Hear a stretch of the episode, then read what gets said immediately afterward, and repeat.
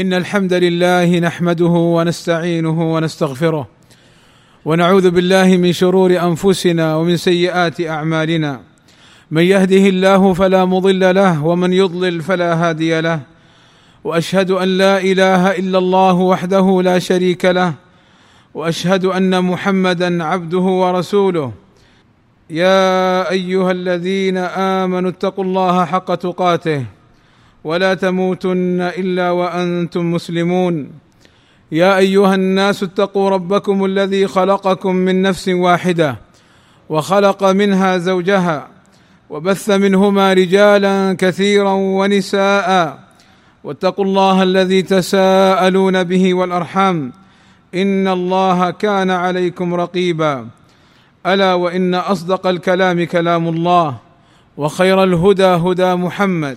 وشر الأمور محدثاتها وكل محدثة بدعة وكل بدعة ضلالة وكل ضلالة في النار. أما بعد فهناك أفعال رغب فيها نبينا الكريم صلى الله عليه وسلم بقوله من أحب كذا ومن سره كذا وهذا منه صلى الله عليه وسلم دلالة لأمته على الخير. وإرشاد لهم لما فيه صلاحهم. فمن ذلك القراءة من المصحف. قال صلى الله عليه وسلم من سره أن يحب الله ورسوله فليقرأ في المصحف.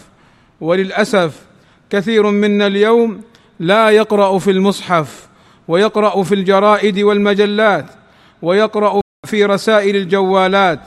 أكثر من قراءة المصحف بل لا مقارنة بين هذا وهذا إلا في رمضان. ولا شك أن في هذا تقصير وتفويت لأجر كبير. قال صلى الله عليه وسلم من قرأ حرفا من كتاب الله فله به حسنة والحسنة بعشر أمثالها. ومن الأمور التي حثنا عليها النبي صلى الله عليه وسلم الإكثار من الاستغفار.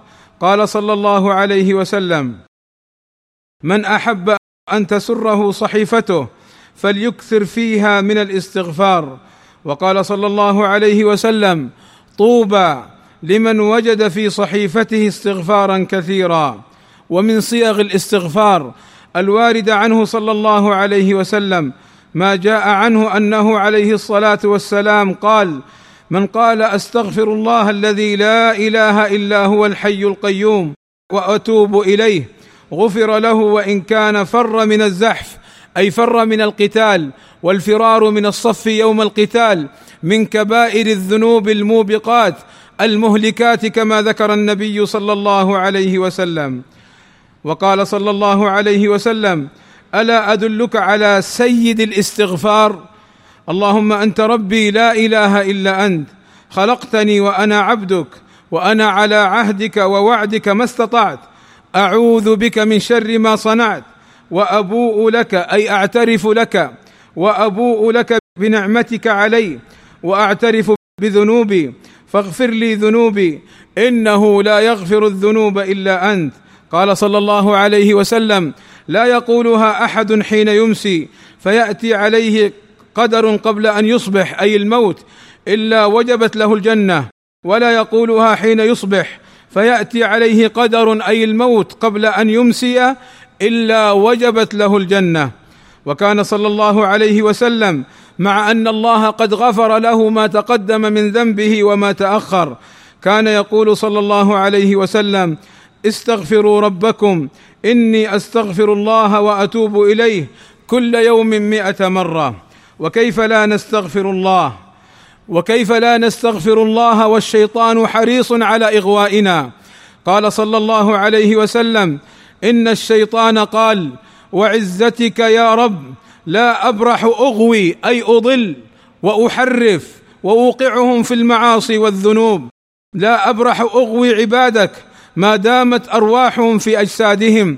فقال الله وعزتي وجلالي لا أزال أغفر لهم ما استغفروني. ومن الأمور التي حثنا عليها النبي صلى الله عليه وسلم صلة الرحم وهم الأقارب من جهة الأب أو الأم. فبين أنها تزيد في الرزق والعمر. قال صلى الله عليه وسلم من أحب أن يبسط له في رزقه وأن ينسأ اي يؤخر وأن ينسأ له في أثره أي في عمره فليصل رحمه. وقال صلى الله عليه وسلم من أحب أن يصل أباه في قبره فليصل إخوان أبيه من بعده أي فليزورهم وليسأل عنهم وليصلهم بما استطاع. والله أسأل لي ولكم التوفيق والسداد وأن يغفر لنا الذنوب والآثام والزلات إنه قريب سميع مجيب الدعوات. الحمد لله رب العالمين. والصلاة والسلام على المبعوث رحمة للعالمين وعلى آله وصحبه أجمعين. عباد الله وحب المرء لله من أسباب حلاوة الإيمان أن تحب أخاك المسلم لله عز وجل لا لدنيا ولا لمصلحة. قال صلى الله عليه وسلم من أحب أن يجد طعم الإيمان فليحب المرء لا يحبه إلا لله. وقال عليه الصلاة والسلام من سره أن يجد حلاوة الإيمان فليحب المرء لا يحبه إلا لله ومن الأمور التي حثنا عليها النبي صلى الله عليه وسلم الدعاء ساعة اليسر والرخاء وساعة النعمة تدعو الله عز وجل وتتقرب إلى الله بالدعاء. فقال عليه الصلاة والسلام من سره أن يستجيب الله له عند الشدائد والكرب فليكثر الدعاء في الرخاء أي في زمن اليسر والسهولة. وقال صلى الله عليه وسلم تعرف إلى الله في الرخاء يعرفك في الشدة.